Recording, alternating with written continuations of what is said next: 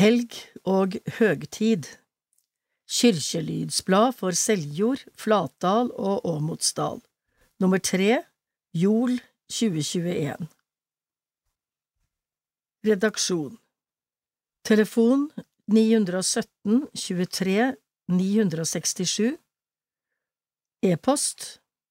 Post krøllalfa seljordkirke.no Bankgiro 2711 20 31 826 Åpningstider Tysdag, onsdag, torsdag mellom 9 og 13 Ellers treffetid etter avtale.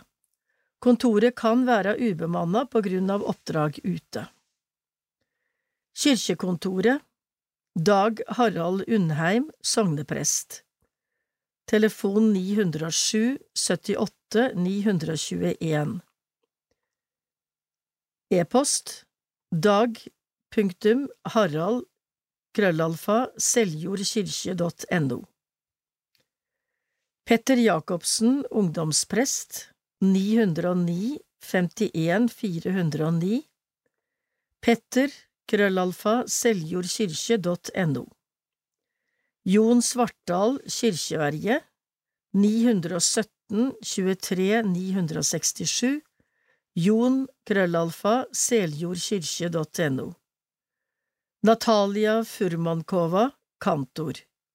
451 96 255 Natalia.formankova krøllalfa seljordkirke.no Knut Ove Lofstad, ungdomsdiakon 996 16 526 Knut.ove krøllalfa seljordkirke.no Kyrkjetjenarar Ivar Øygarden 907 84 971 Ivar krøllalfa seljordkirke.no Eilev Eiesland Bjørge 975 45 943 Eilev krøllalfa seljordkirke.no Seljord sokneråd Bergit Lisle Aasheim Telnes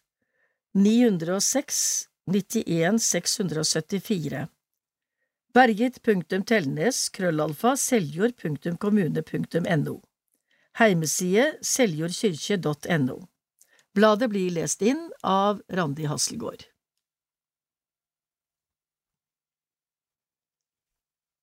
Hilsen fra biskopen Ikke Gud til filosofane, men Gud som er nær. Den kjente naturvitenskapsmannen og kristne filosofen Pascal skriver i dagboka si om ei hending som fikk stor betydning for han. I nådens år 1654 Mandag den 23. november, den heilage pave og martyr Clemens og andre martyrers fest. Fra omtrent halv elleve om kvelden til omtrent en halv time etter midnatt. Gud til Abraham, Gud til Isak, Gud til Jakob. Ikke Gud til filosofene og de lærde. Visse, visse, kjensle, glede, fred. Jesu Kristi Gud, din Gud er min Gud. Ruth 1,16 Hva var det Pascal oppdaga? Han oppdaga den store forskjellen det er på en Gud som bare er inni hovudet til mennesket, og på Gud til Abraham, Isak og Jakob, som kjem inn i verda vår. Julenatt kjem Gud så nær at vi kan sjå Gud, ta på Han, høyre stemma, ja, sjå korleis Gud er. Vi såg ein sårbar Gud, overlate i menneska sine hender og omsorg. Jola er det sterkaste beviset på at vi ikke trur på ein Gud som bare er inni hovuda til filosofane og dei lærde. Ordet vart menneske, og vi såg hans herlegdom, skriver Johannes. Det var også ei anna viktig oppdaging Pascal gjorde. Det stoppar ikke med at Gud kjem nær. Det handler også om en relasjon mellom Gud og oss. Din Gud er min Gud. Gud blei menneske for å nå heilt inn til oss. Gjennom dåpen og trua på Jesus blir dette røyndom. Alle som tok imot han, dei gav han rett til å bli Guds barn, dei som trur på navnet hans. Johannes 1 Da Pascal døde, fant dei en lapp sydd inn i frakken hans. Her hadde han sydd inn det som var aller viktigst i livet. På den lappen sto ikke de viktigste formlene han hadde oppdaga, men orda han hadde skrevet ned etter hendinga. Gud til Abraham, Gud til Isak, Gud til Jakob, ikke Gud til filosofene og de lærde, visse, visse, kjensle, glede, fred, Jesu Kristi Gud. Signa Jol. Stein Reinertsen, biskop i Agder og Telemark. Dåp i Seljord kyrkje Bileta på framsida av dette nummeret er henta fra dåpshøgtid i Seljord kirke. Dåpsbarnet er Malin Salomonsen Gjelstad, som blei døypt på visitasgudstjeneste i 2021. Bildet nest til høyre syner dåpsbarnets søster Talita, som mellom anna hadde ansvaret for tekstlesinga under dåpen. Bileta er tekne av Tom Rune Olsen. Hjarteleg takk For all hjelp, omsut og pleie som Astrid fikk i husværet sitt ved Heddelitunet i over 24 år. Likeeins takk til alle ved Nesbukti for framifrå pleie i hennes siste dager. Takk for alle blomar og helsingar. Harald, Bjørg og resten av familien. Hva slag jol finner du? Har du funnet, og kjem du til å finne, ei fredfylt jol? Livet går sin skeive gang i juli au og det er ikke alltid fred rundt oss. Dersom det ikke er fred rundt oss, er det ikke lett å finne ei fredfylt jol, Det er ikke lett å finne ei jol. Har du funnet ei stressende jord, der det å ordne alt på tradisjonelt vis har vært det viktigste? Det er kanskje noe de fleste av oss har felles. Har du late Jussi Bjørling eller andre synge O helga natt for deg. Har det sige inn i deg at det kan finnes deg helga natt? Har du oppdaga at du er noe mer enn et avansert dyr som bare skal leve, døy og bli borte? Har du gripet fatt i det bærende håpet som kan finnes ved å la ditt hjerte vanke i Jesu føderom? Da har livet ditt fått tilført en dimensjon som har båret mange mennesker gjennom vonde dager og gjeve deg ei indre fred. Da samles mine tanker som i sin hovedsum, og mange har erfara at først da blir din tanke fri, enda om det kan se ut som det motsatte fra utsida. Jol er for meg en familietradisjon, men det er mer enn det. Dersom stall og krybbe, kross og grav, med den fantastiske båtskapen og sangen og musikken som er skapt til Guds ære opp gjennom hundreåra, skal gjøymast bort, står vi att med eit fattig samfunn der tørre vitenskapslege bevis blir det som tel. Medmenneskelig varme kan bære oss langt, men er du sikker på at det ikke fins noe som bærer oss lenger? Vidskapen sier, og vidskapen er nødt til å seie, men har ikke føresetna til å seie, at det ikke kan finnes en åndelig dimensjon. Gud har gøymt seg der vidskapen ikke på noen måte kan finne han for at han ikke skal bli underlagt vitskapen, men kan bli funnen slik han ønsker å bli funnen av dei som søker han, i en stall, i hjarta vårt og i logikken da den første eininga i universet blei til? Jul, jul, strålande jul Av Jon Svartdal Olav Glåsimot 200 år Seljordingen Olav Glåsimot har langt på veg gått i gløymeboka i heimbygda. I år er det 200 år siden han blei født, og på tampen av året var vi glade for at vi fikk i stand ei feiring av denne gåverike sambygdingen Kons. Olav Glåsimot ble født 14. juli 1821 på Li i Krokan. Faren, Olav Olavsson Lid, kjøpte Glossimot da sønnen Olav var ni år. Her vokste han opp med et vidt utsyn over Seljordsdalen. Litt om foreldra Faren var bonde og lærer. Han var kjent som en opplyst mann som hadde god greie på folkediktning. Magnus B. Landstad nevner han ofte som kjelle både for folkeviser og segner. Da Ivar Aasen kom til bygda for å skrive ned dialektprøver til utforminga av det som seinere blei nynorsk, budde han på Glossimot.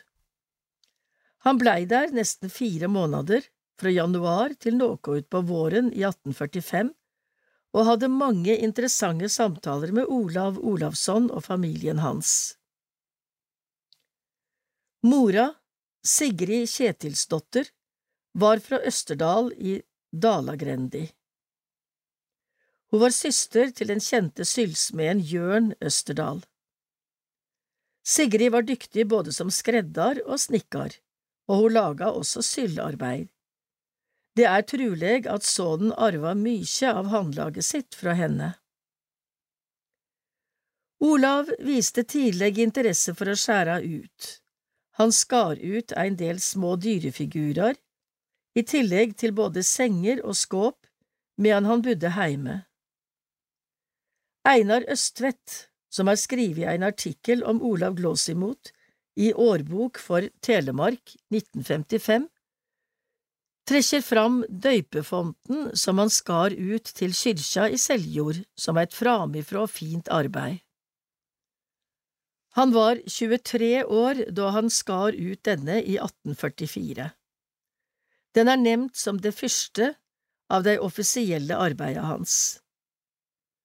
Da kyrkja blei restaurert på 1970-tallet, fant de en døypefont fra 1600-tallet som har vært i bruk siden. Olav Glåsimot sin døypefont er nå henta ned fra loftet på Seljord kirke og stilt ut i våpenhuset. Han kan av og til bli bruka ved dåp i kirka. I 1847 drog Olav Glåsimot til Kristiania for å arbeide som møbeltreskjærer. Han kom i kontakt med arkitekten Johan Henrik Nebelung, som hadde ansvaret for utsmykkinga av lystslottet Oscarshall. Nebelong så Olav Glossimot sine evner, og i 1849 fikk han i oppdrag å skjære ut noe av den indre utsmykkinga på Oscarshall. Her kom han i kontakt med andre kunstnere, som kunstmålerne Tidemann Gude og Joakim Frick, og billedhoggerne Kristoffer Borch og Hans Mikkelsen. De var alle engasjerte til å utsmykke Oscarshall. Gjennom Nebelong ble han tatt opp ved Kunst- og håndverksskolen, eller Den kongelige tegneskole i Kristiania, som han da heite. Vegen gikk videre til utdanning ved Kunstakademiet i København, der han var student i ti år fra 1851. Like etter at han hadde starta på studiet, fikk han arbeid med å hogge i marmor i atelieret til den kjente billedhoggeren Herman Wilhelm Bissen. Han var sterkt inspirert av antikkens statuer og portrett. Glossimot arbeidet for bissen til han døde i 1868. Her lærte han sitt håndverk på en ypperlig måte. Han skar ut i mange ulike material som buksbom, elfenbein og marmor, og han laga små portrettmedaljonger, byster, statuer og statuetter. Bare et par år etter at han kom til København, tok Olav Glossimot del på både nordiske og internasjonale utstillinger. Vi kan nevne at han tok del med arbeid på verdensutstillinga i Paris i 1855, 1867 og 1878, verdensutstillinga i London i 1862 og tilsvarende utstilling i Wien i 1873. Han fikk som oftest medalje, og en god del av arbeidet hans ble kjøpt inn av Kristiania Kunstforening. Denne samlinga gikk over til Nasjonalgalleriet, og der finner en 23 av Olav Glåsimot sine arbeid. Der er det mellom annet ei byste i elfenbein av professor Hansten og en portrettmedaljong av Henrik Ibsen. Sjøl om Glossimot særlig arbeider med steinklassiske motiv, skjedde det også at han arbeider med bibelske motiv.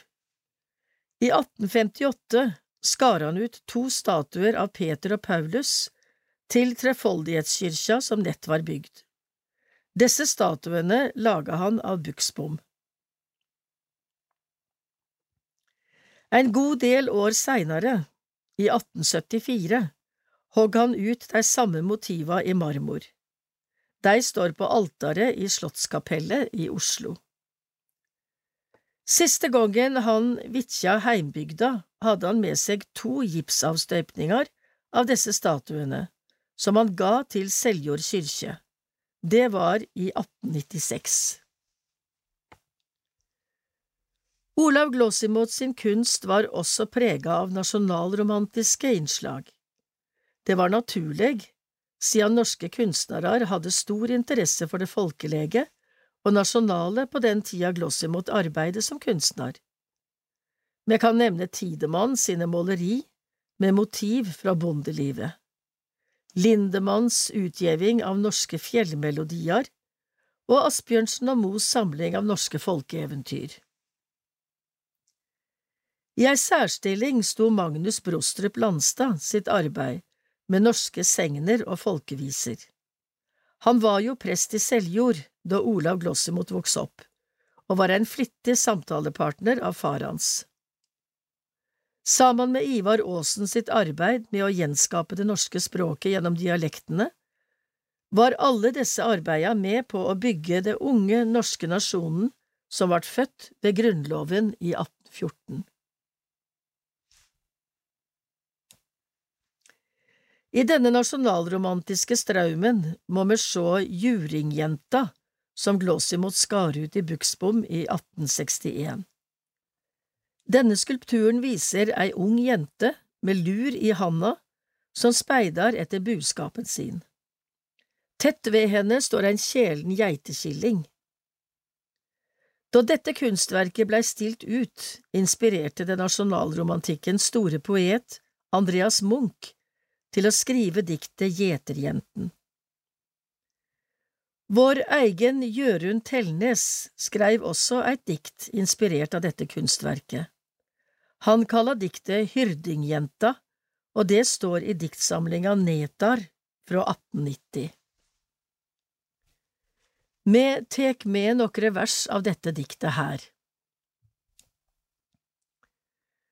Fyrst Sigrid gikk bort i skogen gjette, vart lidig veden som når soli spredte, og når ho gikk inn i lunden kvad, då glitra tårar på kvart eit blad.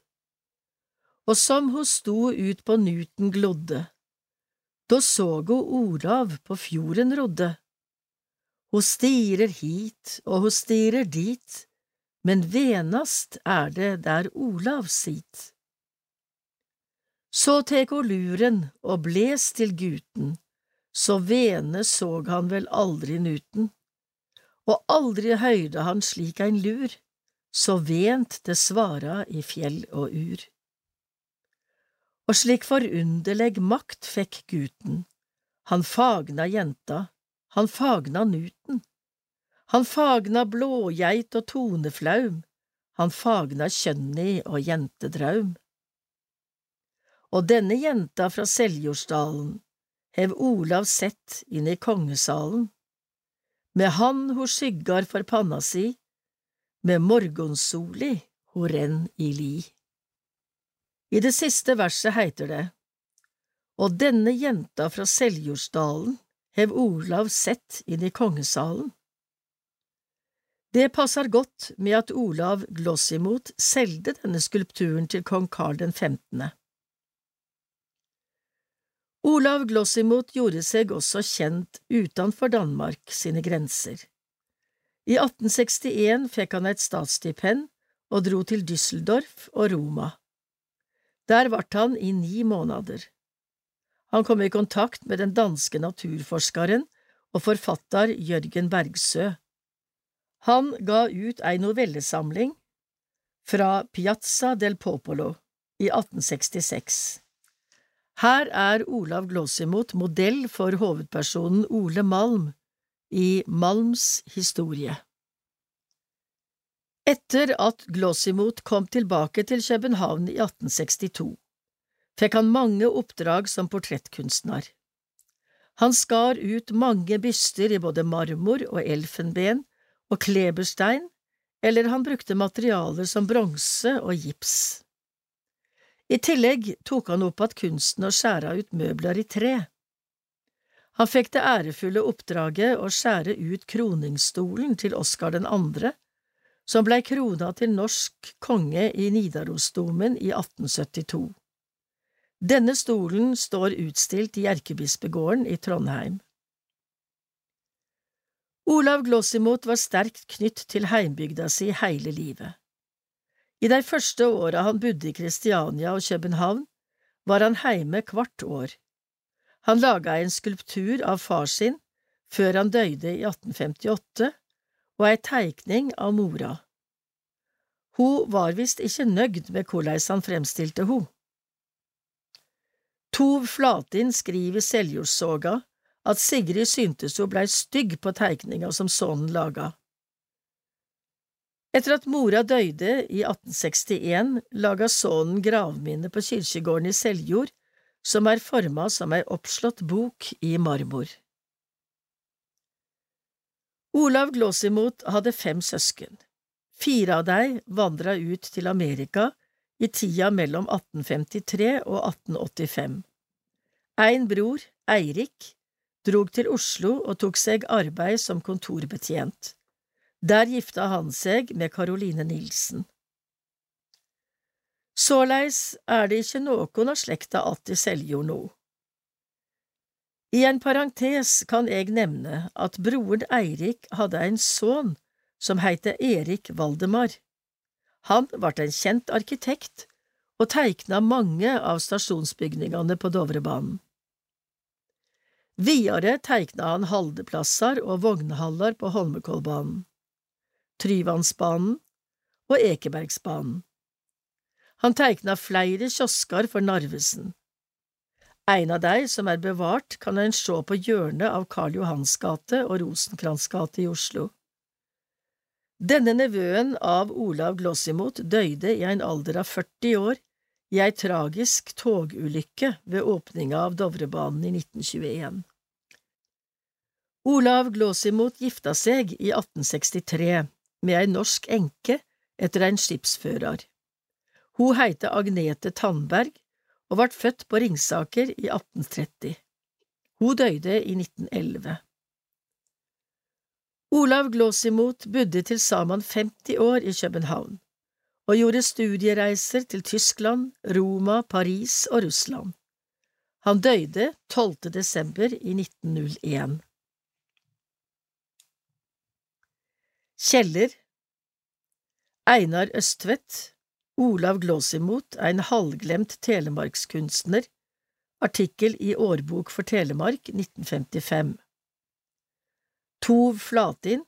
Seljordsoga Bind 1 Side 531 til 533 Norsk kunstnerleksikon 1982 Side 756 til 758 Norsk biografisk leksikon, 1999, side 321–22. Tysdagsklubben Eit tilbod til familiar med barn i barnehage og skolealder Felles måltid med mat til barn og foreldre, samling for barna med aktiviteter, leik, bibelfortelling og sang. Våren 2022 Tirsdag 18. januar Tirsdag 15. februar Tirsdag 15. mars Tirsdag 19. april Tirsdag 10. mai klokken 16.30 til 18 på Misjonshuset like ved ungdomsskolen.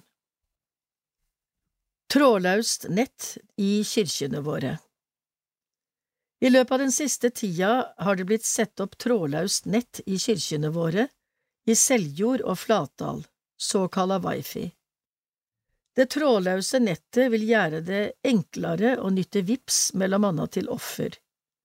Vil du logge deg på, kan du gjøre dette ved å aktivere gjestenettet som har den aktuelle kyrkja som etternavn i innstillingene på telefonen din. Gjestenettet krev ikke passord. Åmotsdal kyrkje har førebels ikke slikt utstyr.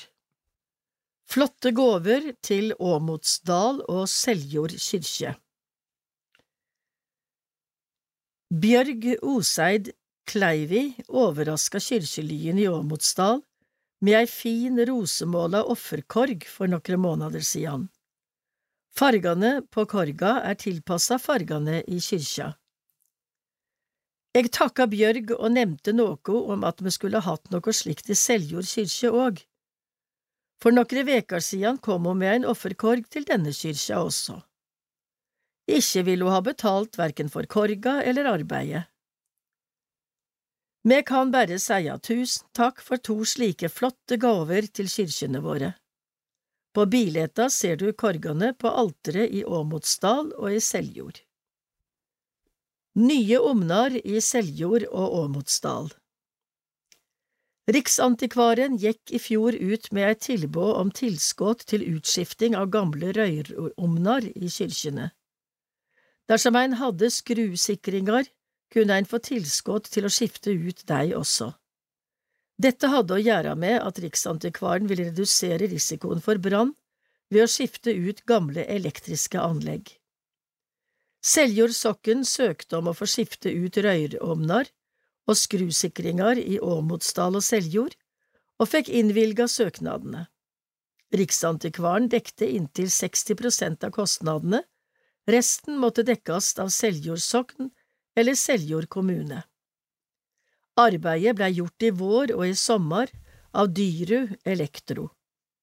De nye ovnene er skrudde fast under benkene og varmer såleis opp de som sitter i benkene og ikke bare lufta. I Flatdal kyrkje har det vært slike ovner i godt over 20 år. Gullkonfirmanter det møtte opp 22 gullkonfirmanter på gudstjenesta og festen 24. november. Her er de stilt opp i koråpningen i Seljord kyrkje. Vil du være med? Misjonshuset i Seljord blir brukt til mange ulike arrangement i kristen regi, og det er mange som setter pris på de fine lokala. Det er gjort mye for å holde huset i god stand både utvendig og innvendig. Siste oppgraderinga var å isolere for å hindre unødvendig varmetap gjennom taket.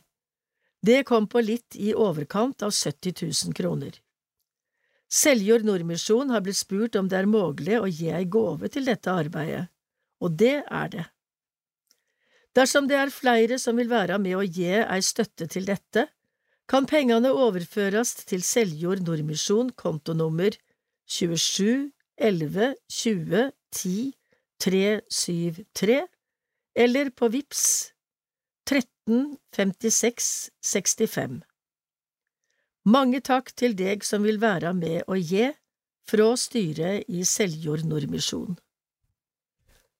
Konfirmasjoner i Seljord sokken 2022 Det vert konfirmasjoner i Seljord sokken disse datoene i 2022. Åmotsdal søndag 14. august Seljord lørdag 27. august Seljord søndag 28. august Flatdal søndag 4. september Inntrykk etter bispevisitas av Bergit Lisle Aasheim Telnes Vi har nett lagt bak oss ein bispevisitas. Dette er ikke noe som skjer kvart år, faktisk var det elleve år siden Seljord sist hadde besøk av en biskop. På grunn av pandemien blei visitasen utsett to ganger, så vi var glade for at vi endelig kunne ønske biskop Stein Reinertsen velkommen i slutten av september. Han hadde med seg kirkefagsjef Trine H. Syversen på hele visitasen. Når biskopen vitjar ein kommune, blir det lagt opp til at han skal få treffe flest mulig fra ulike aldersgrupper og institusjoner i samfunnet. Bedriftsbesøk hører også med, og selvsagt ulike kulturelle samkommer. Biskopen hadde møte med to klasser ved Flatdal barneskole og Heile Seljord ungdomsskole. Begge plasser hadde elevene forberedt spørsmål som biskopen svarte tydelig og greit på. Spørsmåla spente vidt i tema, fra hva fotballag han helt med, til hva han mente om vigsel av likekjønna par. Det blei også tid til eit besøk i Heddeli barnehage. Der fikk barna sjå den flotte bispekappa som høyrer til Telemark og Agder bispedømme, og det blei ein samtale om de ulike liturgiske fargane som høyrer til kyrkjeåret. Kyrkja i Seljord driver en barneklubb, Tysdagsklubben, for unger i førskole og barnealder. Det var svært moro for både små og store at biskopen ville være sammen med oss på både måltid, bibelfortelling og sang. Temaet var Jesus og barna, og hvordan vi konkret kan komme til Jesus i dåpen. For ungdommene er vi så heldige å ha ønsket og elsket som et arbeid både for konfirmanter og eldre ungdommer. Biskopen sto for den offisielle åpninga av Ønske- og Elsketressurssenter i Øvre Telemark prosti. De har innreid fine lokaler i kjelleren på Skåribygget på Brødløs. Biskopen fikk et møte med de som driver Frivilligsentralen, der Anne Marie og Agnes fortalte om det viktige arbeidet de gjør. Det ble også arrangert et føremiddagstreff på Seljordheia grendehus. Der fikk vi høre om arbeidet grendelaget hadde gjort med å sette det gamle bedehuset i stand. Det blei servert både smørbrød og kake, og Ragnar Haugstøl fortalte om personer med tilknytning til området. Han sang også flere viser. Stein Reinertsen blei nok den første bispen som vitja dette gamle pinsevennebedehuset på Seljordsheia. Både Steinmoen og Nestunet fikk besøk av biskopen og fyljet hans. Det vart andakt og hyggelig prat over en kaffekopp. Vi har så mange fine og særprega gudshus i Seljord. For å få vist biskop Stein Mandal kapell la vi inn ei samling med morgenbøn og frokost der. Vi var tolv stykker som fikk møte dagen med bibelord og bøn og god morgenmat der på onsdagen. I Åmotsdal fikk biskopen omvisning både i kyrkja og i kyrkjestoga, og Flatdal kirke var arena for konsert med tittelen Gud er nådig. Det var Ingebjørg Lugnvik Reinholt, Ragnhild Knutsen og Natalia Furmankova som sto for konserten. Konserten kom til å handle mykje om Magnus B. Landstad sitt arbeid, både som folkeminnesamler og salmediktar.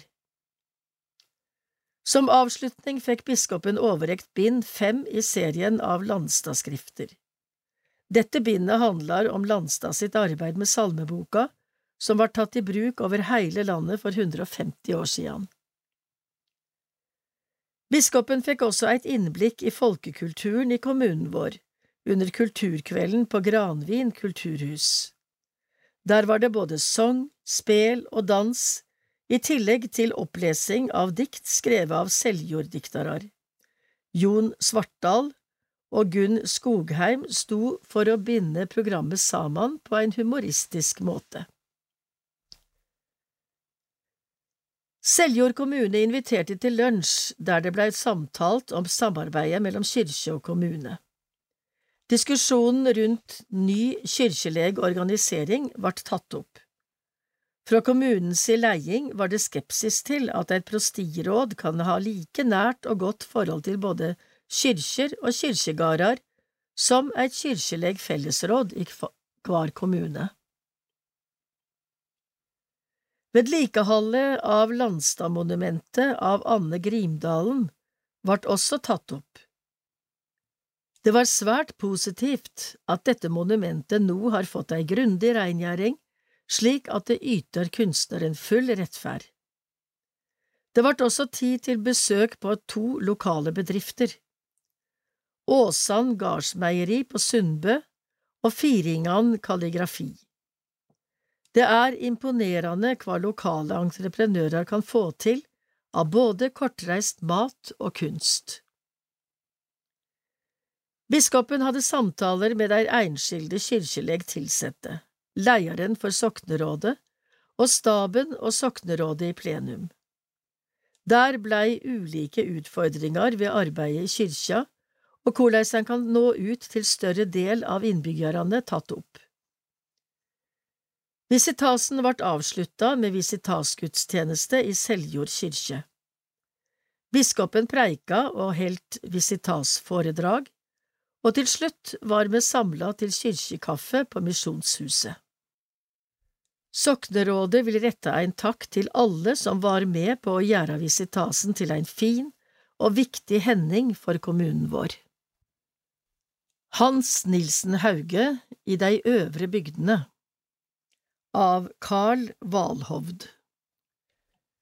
Dette er en del av en artikkel henta fra Øvre anneks, årsskrift for Åmotsdal Sågelag 2020, med noen mindre tillegg og endringer. Del to, framhold fra føre nummer. I år er det 250 år siden Hans Nilsen Hauge ble født og det ble markert på mange vis rundt om i landet. Han ble født 3. april i 1771 på Rollsøy i Østfold, og døde 29. mars 1824 på Bredtvet i Oslo, bare 53 år gammel. Hauge er en av de største og mest betydningsfulle samfunnsbyggerne Noreg har fostra, gjennom sitt korte liv, som omfatta ti år i fengsel, bidro han til å reformere både kristenliv og næringsliv i store deler av landet. Hva etterlet han seg, denne merkelige mannen? Hadde hans forkynning og væremåte noe varig verknad i bygdene her? Historikeren H.G. Hegtveit skriver dette da han omtaler reisene til Hauge fra Seljord gjennom Flatdal, Svartdal og Åmotsdal. Deretter fortsatte han sin vandring oppover til Flatdal, hvor ikke så få sluttet seg til ham. Det samme gjelder Åmotsdal. I disse annekser har det siden vært rester av haugiansk liv like til våre dager. Ifølge eit hefte som Seljord Indremisjon ga ut i høve deira 125-årsjubileum, bygde de videre på arven fra Hans Nilsen Hauge. De skriver blant annet Den haugianske elden kunne ikke så fort slokne i Seljord, for i 1871 vart Siljords misjonsforening skipa, og den skulle mellom anna nettopp bygge på både Hauges lære og liv. Kan òg taka med enda eit utdrag til fra det nevnte heftet, som sikkert kan seiast om alle bygdene Hauge besøkte. Alle stader Hauge kom, hendte det mykje som hadde varig, grunnleggjande verdi for menneska, og dette var nok også tilfellet i Seljord. Det var ikke bare at mange fikk et nytt åndeleg liv, men dette gikk òg videre til seinere slekter. Dette kan ikke kartlegges nærere, mykje av dette er løgnt for alle tider. Det var frametter på 1800-tallet haugianarar både i Svartdal, Mandal, Åmotsdal, Langlim og i Lisleherad. Gunhild Solli, født Bakken, etterlet seg eit skriv der hun forteller om Anne Bakken, som vart født i 1811, og var bestemor til pinseevangelisten Johannes Bakken. Hun var mor til Torstein Bakken, som var bestefar til Gunhild Solli. Anne reiste en dag på besøk til ei Ingebjørg på plassen Kjønnås i Lisleherad. Det fortels at dei las og ba saman der, og at dei var haugianarar. I et opptak forteller Johannes Bakken at bestemor hans, Anne, sikkert saman med flere, gikk fra Langlim, Lisleherad, til Svartdal for å komme på haugianermøte. Ut fra dette ser vi at evangelisten Johannes Bakken hadde genar fra Haugerøsla. Mor fortalte at mi tippoldemor, Ingebjørg Knutsdatter, født Skuldaland, saman med noen fra Fundli på Rauland, gikk like til Kongsberg for å være til stades på haugianermøtet. Hans Nilsen Hauges vitjing i disse bygdene setter nok varige spor etter seg, og det ser ut til at det var i Svartdal at denne rørsla fikk sterkaste og mest varig fotfeste. Det gav seg uttrykk i skipinga av Delk-menigheten i Svartdal og bygginga av Brennhaugkirka på andre halvdel av 1800-tallet. Her er ein direkte samanheng mellom denne menigheten og Haugerøsla, noko me kan komme attende til i ein seinare artikkel. I samband med at Hauge vart arrestera og fengsla, vart det innhenta rapportar fra embetsmennene i de distrikta der han hadde virka. Ettersom Hauge hadde ein del vener i Seljord prestegjeld, måtte dåværende prest, Nikolai Solner, melde inn til øvrigheta om haugianerne i prestegjeldet, og han skreiv at De vyrer ikke alle love- og øvrighetsforanstaltninger som ikke behager den guddom hvorav de besjeles. Med andre ord, ikke noen støtteerklæring til haugianerne fra embetsverket i Seljord. Det er videre sagt at den kjente haugianeren Jon Haugsvoldstad besøkte bygdene her et par ganger seinere og kveikte haugianerne og fikk mye med vil taka med ei hending fra et møte på Staurheim i Bø mellom Hans Nilsen Hauge og Sterke-Nils. Dette fant stad i 1799, året før Sterke-Nils døde, eller rettere sagt vart hihelslegen.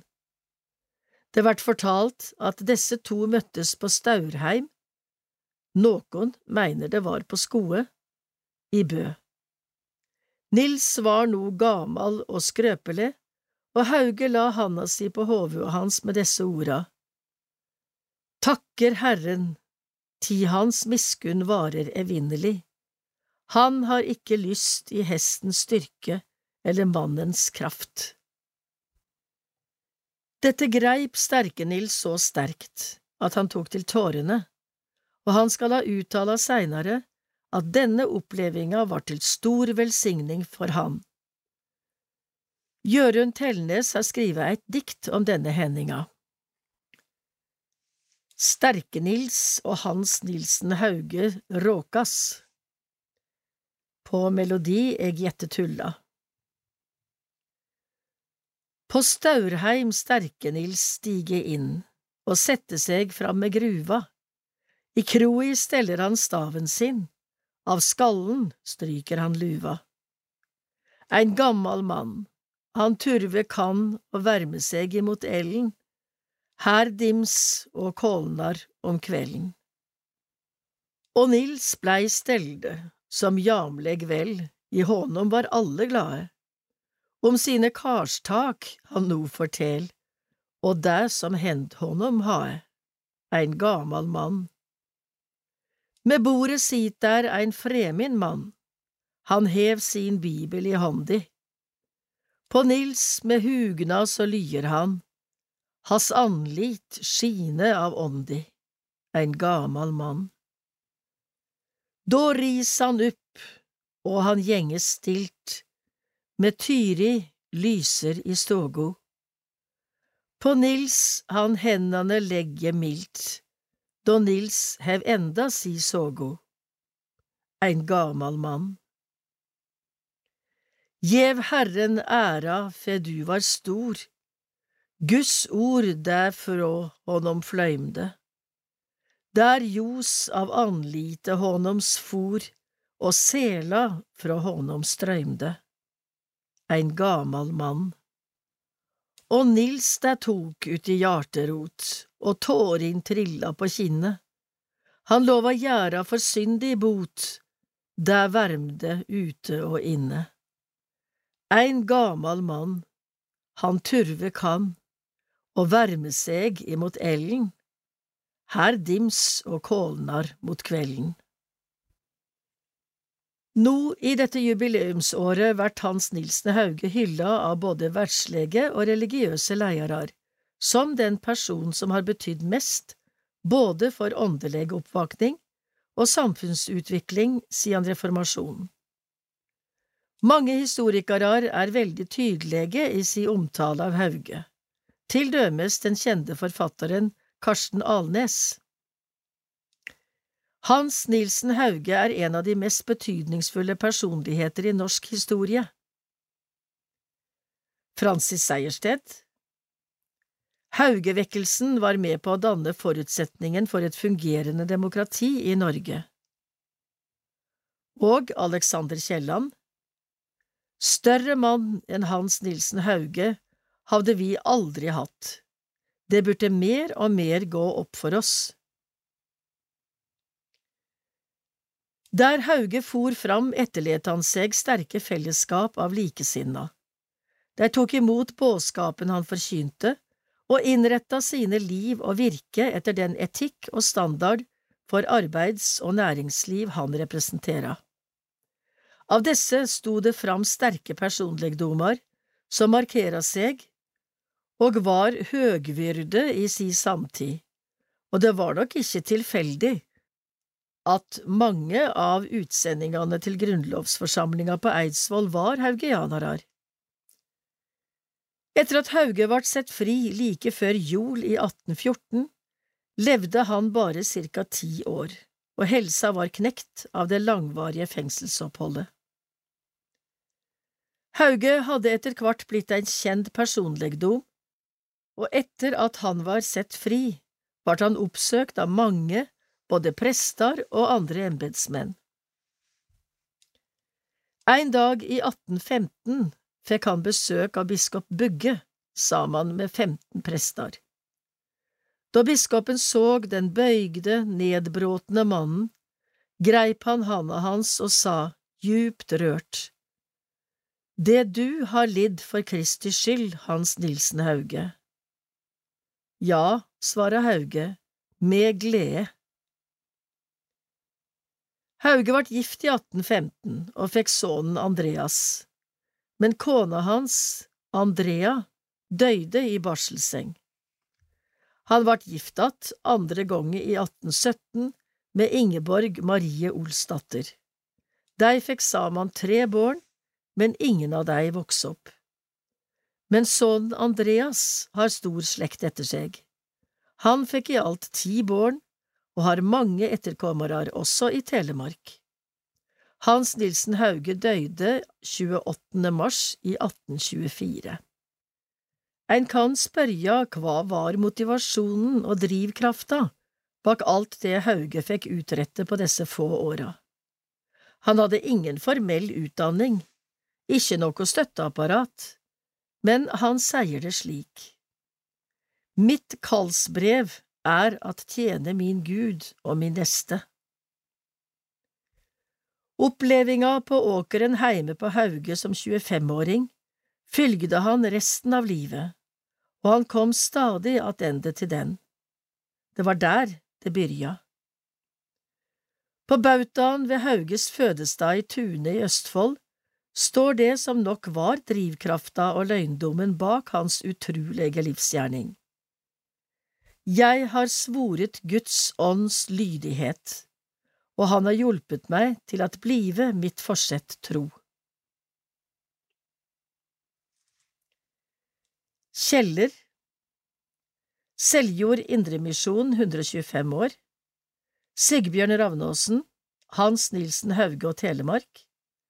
Sigbjørn Ravnåsen Ånd og hånd Hans Nilsen Hauges Etikk for ledelse og næringsliv H.G. Hegtveit Den norske kirke i det 19. århundre, bind 1 Egil Elseth Biografien om Hans Nilsen Hauge Tov Flatin Seljordssoga, bind 1 og 2 Alv Magnus Hans Nilsen Hauge, Mannen som forandret Norge Richard Berge Bygdesoga for Vinje og Rauland, bind 3 Jakob B. Bull Hans Nilsen Hauge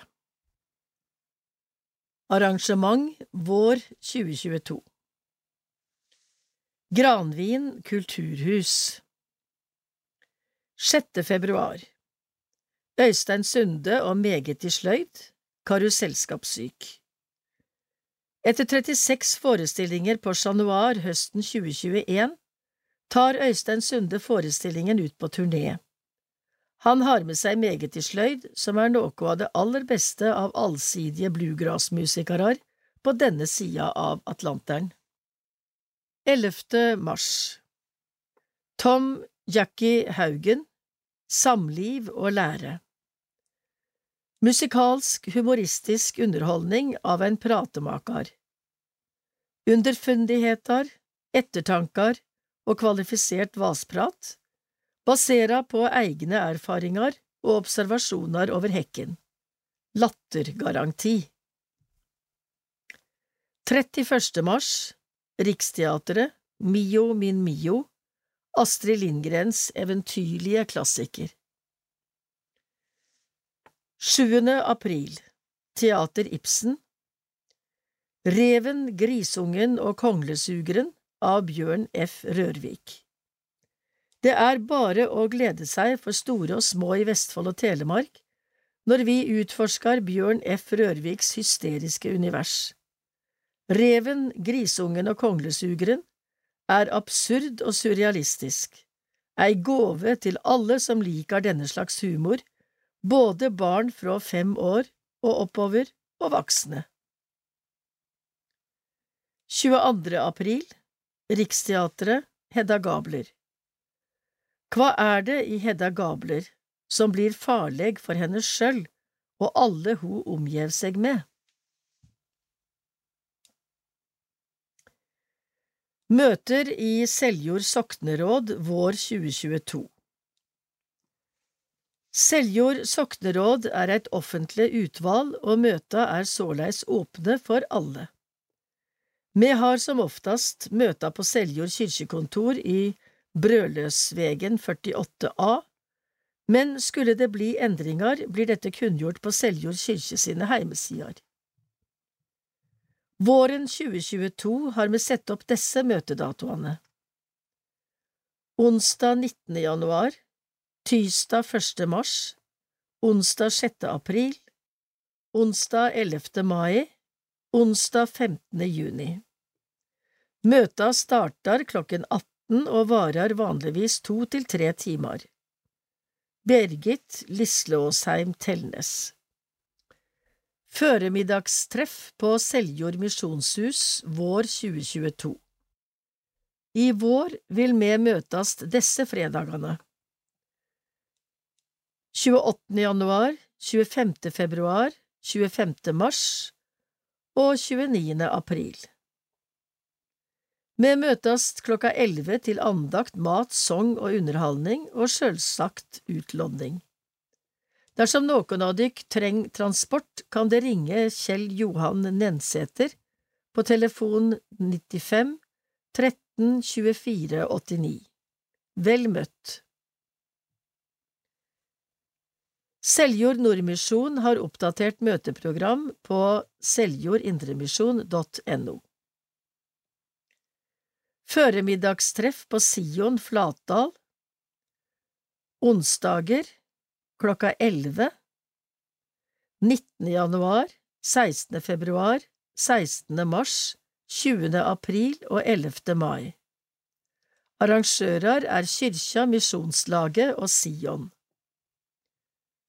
Sangkveld på Samfunnshuset Første fredag i måneden klokken 19 4. februar, 4. mars, 1. april og 6. mai Arrangører er Kyrkja, Misjonslaget og Sion Gudstjeneste med skriftemål og nattvær Veit du at kyrkja vår har en egen liturgi for gudstjeneste med skriftemål? Dette er sjølsagt ikke ei gudstjeneste der hver einskild kjem med sine private skriftemål, medan andre høyrer på. Til skilnad fra det private skriftemålet, det som blir gjennomført under fire auge, gir ei skriftemålsgudstjeneste seg bruk av det som gjerne vert kalla eit alminnelig skriftemål. Korleis går så dette føre seg? Det heile skjer i ei enkel og kort gudstjeneste. Sjølve skriftemålet går føre seg slik. Liturgen les ei omfattende syndevedkjenning, deretter er det kort stille for den einskildes i personlege vedkjenning i hjarta, etter dette les alle høgt ei felles syndevedkjenning, formulert på førehand i kyrkja si altarbok. På bakgrunn av syndevedkjenning kan de som ønsker det, så komme fram til altaret og knele. Liturgen legger så handa på hovudet til den einskilde og les synsforlatinga, også kalt absolusjonen. Gudstjenesta held etter dette fram med nattvær og avslutta med Herrens bønn, salme og velsigning. Mange vert engstelige når de høyrer ordet skriftemål. Til dette kan seiast at denne forma for skriftemål er i utgangspunktet ufarleg. Ingen skal brette ut sitt indre for åpen scene. Absolusjonen, den personlege handspålegginga og tilsegn om tilgjeving, er ein mykje konkret og god hjelp til å tru synstilgjevinga. Martin Luther sier det slik i si vesle katekisme. Skriftemålet fell i to. Fyrst sannar vi syndene våre, og så tek vi imot synsforlating. Vi tek imot som fra Gud sjøl, og trur fullt og fast at syndene våre da er tilgjevne hjå Gud i himmelen. Velkommen til gudstjeneste med skriftemål og nattvær i Seljord kirke onsdag 2. mars 2022 klokken 19. Denne dagen er askeonsdag, og slik kan dette være med på å gi ei fin og god innleiing til fastetida. Slekters gang. Døypte Flatdal. Eilo Abrahamsen Vålhovd. Jørund Solheim Strand. Seljord. Madeleine Gundersen Tveit. André Haugan Tom Even Fideles Haugan Malin Salomonsen Gjelstad Johanna Fesaie Øygarden Tage Maximilian Aasan. Vigde Seljord Elisabeth Pedersen og Håkon Skaret, Teresa Kritsova og Tore Bakkedal. Flatdal Marte Emilie Østberg Martinsen og Mathias Mani Sigurdarsson. Åmotsdal Eva Kristin Bjørnø og Espen Høydal Døde Seljord Astrid Goli, Jenny Karen Smith, Lars Erling Pedersen, Signe Nordahl, Kåre Hjalmar Dalen, Asbjørn Kloster, Ruth Rjukan, Johanna Feshaie Øygarden, Ottar Reitan. Flatdal, Guro Aasan, Louise Irmgard Austenå, Odd Harald Haugen, Åmotsdal, Olav Skuldalen. Nå kan du lytte til Menighetsbladet. Det er ikke sikkert at du visste at Menighetsbladet deres leses inn. Kristent arbeid blant blinde og svaksynte, KAB, har et rikholdig og gratis lydbibliotek som flere bør kjenne til, mener Heidi Vestby, som er leder for biblioteket. Hos KAB i Askim er det mange hyllemeter med bøker, som i et vanlig bibliotek. Alle som har vansker med å lese en vanlig bok, kan registrere seg og låne lydbøker hos KAB, som tilbyr mer enn 2000 titler i de fleste sjangre, og produserer hele tiden nye lydbøker. Her er også egne studioer, der bøkene og bladene leses inn. I tillegg har de to innlesere på hjemmestudio. Vi leser inn rundt 100 titler i året, 25 menighetsblader og andre tidsskrift for lag og foreninger, sier Heidi Vestby. I Askim jobber Vestby og hennes kollegaer i KAB hver dag med å tilrettelegge ulike former for kristen litteratur og tekst til de som har synsproblemer og leseproblemer rundt om i hele Norge. KABs lydbibliotek er for de som har en diagnose som handler om at det er vanskelig å lese eller bruke vanlige bøker. Målgruppa for lydbiblioteket til KAB er altså ikke bare blinde og svaksynte, men også de som har diagnoser som fører til leseproblem, eller at man ikke klarer å holde ei vanlig bok. Hun nevner dysleksi, cerebral parese, slagpasienter og mennesker som har fått ME eller lammelser som eksempel. Målgruppa er derfor ganske stor, slår Heidi Vestby fast. Om man ikke er i målgruppa selv, kan det være at man kjenner noen som er det. For eksempel er dysleksi en ung diagnose, og eldre folk med lesevansker har ikke fått denne diagnosen. De vil også ha nytte av lydbiblioteket. Er tilretteleggingen et forsømt område? Ja, det vil jeg si. Det er et veldig forsømt område. Universell utforming gjelder ikke bare rullestolramper, høye terskler eller teleslynge. Det gjelder så mange flere, og blant annet gjelder det synsproblem, som vi er opptatt av, men også andre grupper. Heidi Vestby minner om at tilrettelegging også dreier seg om å inkludere i et fellesskap. Det handler om å ikke føle at man blir ekskludert når man skal på gudstjeneste, eller et møte på bedehuset. For eksempel at tekster også finnes i storskrift, sier Vestby. Hun mener at det dreier seg mye om planlegging hos de som er ledere. Du trenger ikke bli boklåner i KAB for å lytte til Menighetsbladet. Du får tilgang til lydfil via menighetskontoret og eller på hjemmesiden. Fyll ut det som er riktig for den enkelte menighet her, gjerne med telefonnummer og adresse for nettsted. For de som ønsker å bli boklåner i KABs lydbibliotek, er det flere måter å komme i gang på. Man finner alt av informasjon på KABs nettside, kab.no, eller man kan ringe og få veiledning over telefon eller e-post. Lånere kan selv enkelt administrere hvilke bøker de vil låne, med appen Lydhør, og lytte til lydbøkene på telefon eller nettbrett. Til kirken samle Det går mot jul. Ute er det mørkt og kaldt, vinteren har tatt plass hjå oss. Adventslysa har kommet på plass. Sakte, men sikkert vert bygdene våre pynta til julehøgtid. Landstad skriver i sin kjente julesalme fra fjor og fjære. Til kirken samle seg fra hver gård og grend, de unge gamle av kvinner og av menn.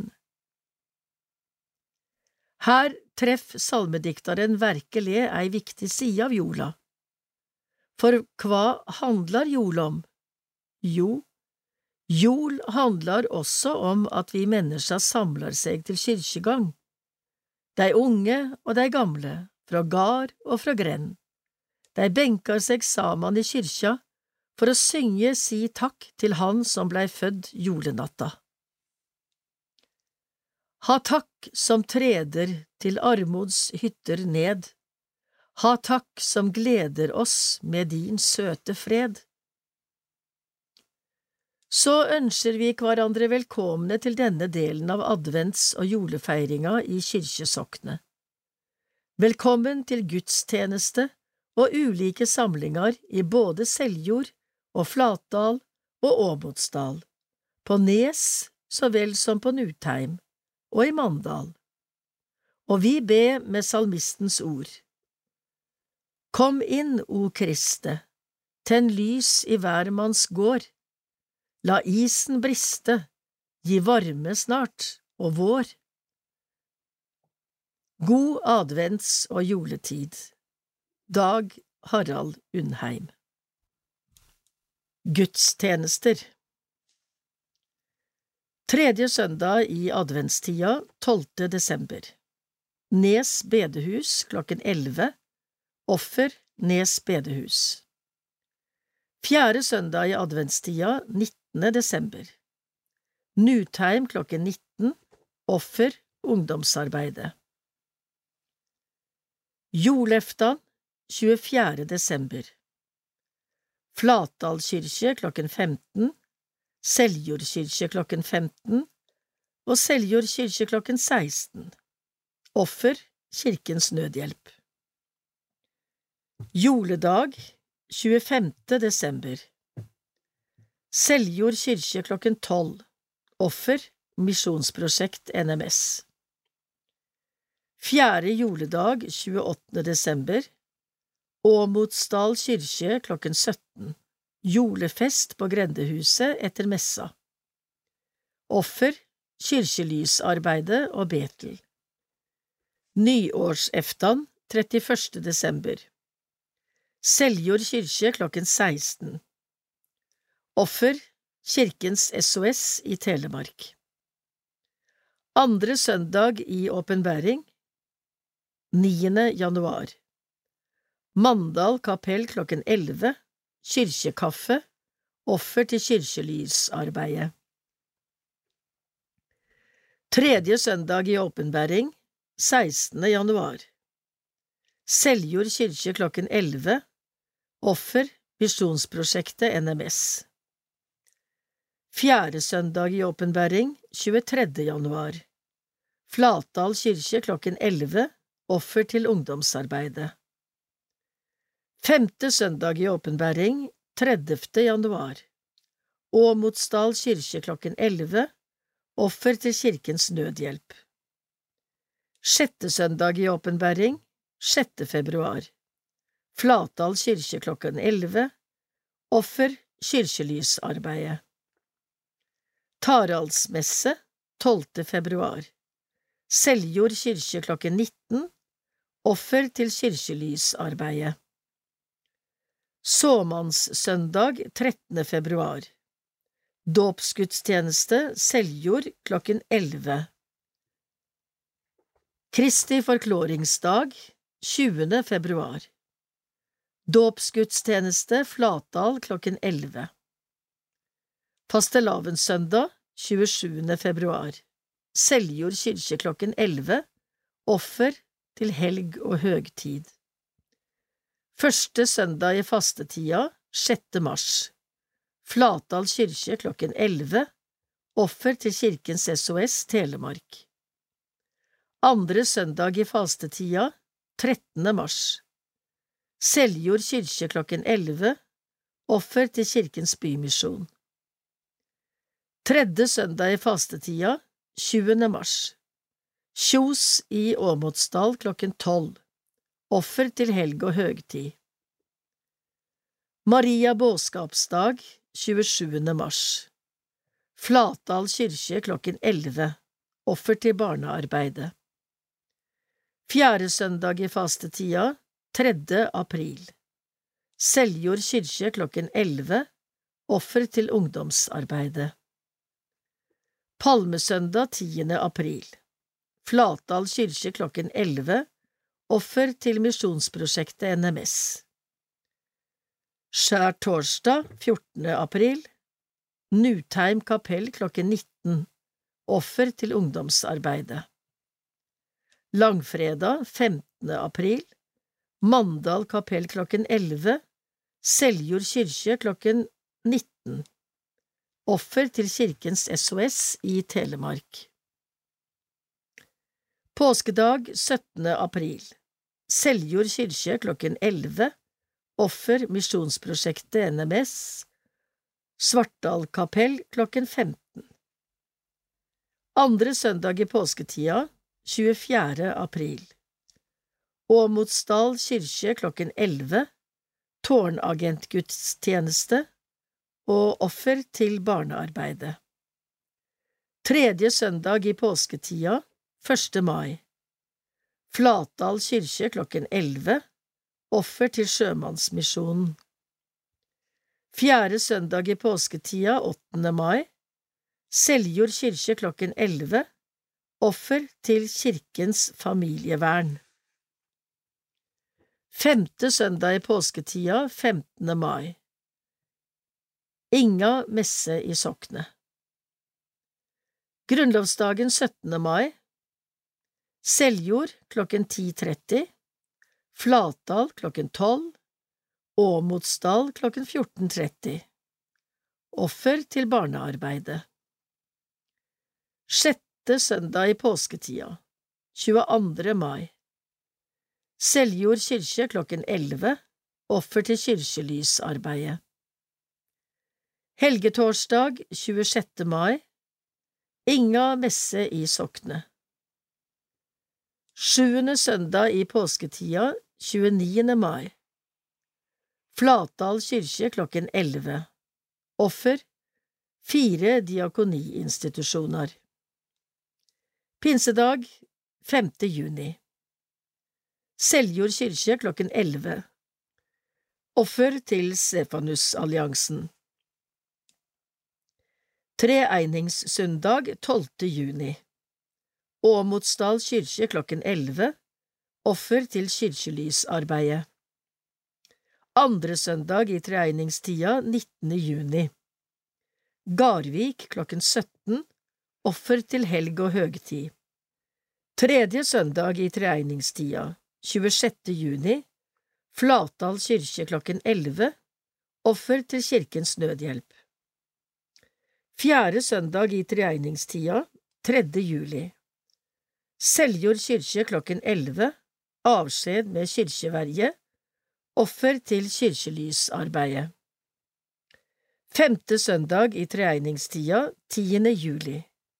Flatdal kirke klokken 11 Offer til Alfa.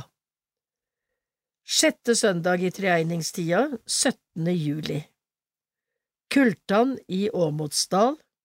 Offer, helg og høgtid Sjuende søndag i treegningstida, 24. juli Flatdal kirke klokken 11 Offer til kirkelysarbeidet Olsok 29. juli Seljord kirke klokken 19 Offer til Kirkens Nødhjelp Endringer kan komme.